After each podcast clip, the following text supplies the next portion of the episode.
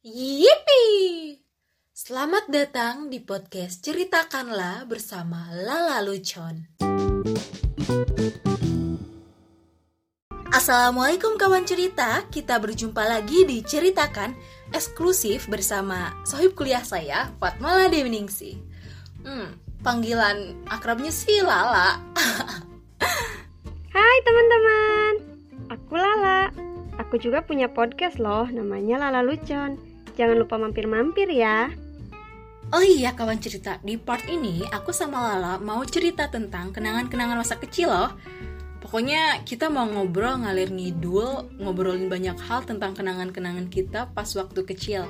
Biasa, kenangan anak kampung.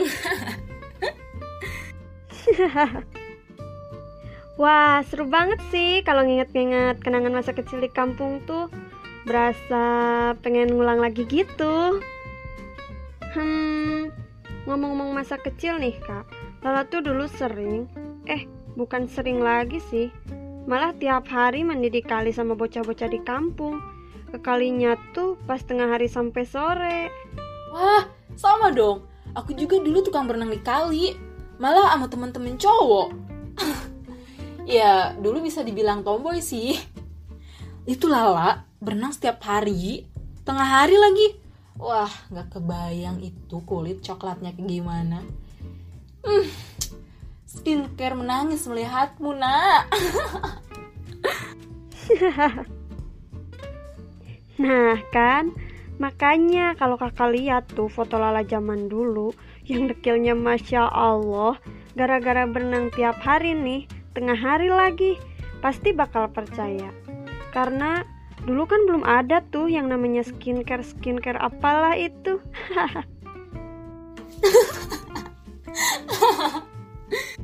Iya sih, bener. Kalau dulu kan kita nggak tahu skincare itu apa ya. Seenggaknya kalau tahu juga kita kan pasti bodo amat lah. Yang penting kita main. Yang penting kita seru-seru. Apa itu skincare? nah, kalau aku dulu sambil berenang tuh pasti sama teman-teman nyari gebok pisang atau gebok jauh Sunda nama. Atau apa ya bahasa Indonesianya gebok jauh teh? nah, kawan cerita ada yang tahu nggak sih bahasa Indonesianya gebok jauh? hmm, apa ya? oh iya ya, gebok jauh tuh apa ya Indonesianya? Terus terus gimana tuh kak? Nah, jadi kan si gebok jauhnya tuh ngambang sama kita dinaikin tuh kayak perahu-perahuan gitu. Berhubung dulu berat badan masih bisa diajak kompromi. ya bisa palid lah kita. Eh palid hanyut. Ke bawah sendanya. Nah, dari situ pokoknya seneng banget. Ih, ya Allah, pengen balik lagi rasanya. Wah, iya iya kebayang gimana serunya dulu tuh. Nah, kalau Lala dulu tuh kalau mau mandi sengaja bawa sarung dari rumah. Terus ujung sarung yang satunya Lala ikat sama karet. Dari situ Lala nyari tempat buat loncat. Nah, pas Lala loncat tuh ke dalam air kayak terjun payung gitu. Pas Lala udah di dalam air itu, sarungnya jadi kembung kayak sangkar burung gitu bentuknya. Kalau di kampung Lala ini namanya lancup payung. Ah, pokoknya unik-unik deh. Wah, ekstrim ya. Tapi seru banget kayaknya. Ih, kok jadi pengen nyoba? Ada-ada aja sih mainannya di Tasik. Asli sih ya, saking serunya mandi di kali tuh sampai lupa waktu. Pas pulang-pulang nyampe rumah, ibu negara udah mangap-mangap mau marah tuh. Asli, pas pulang tuh ya, udah mau sore banget. Waktunya ngaji, habislah sudah kita kena omelan ibu negara.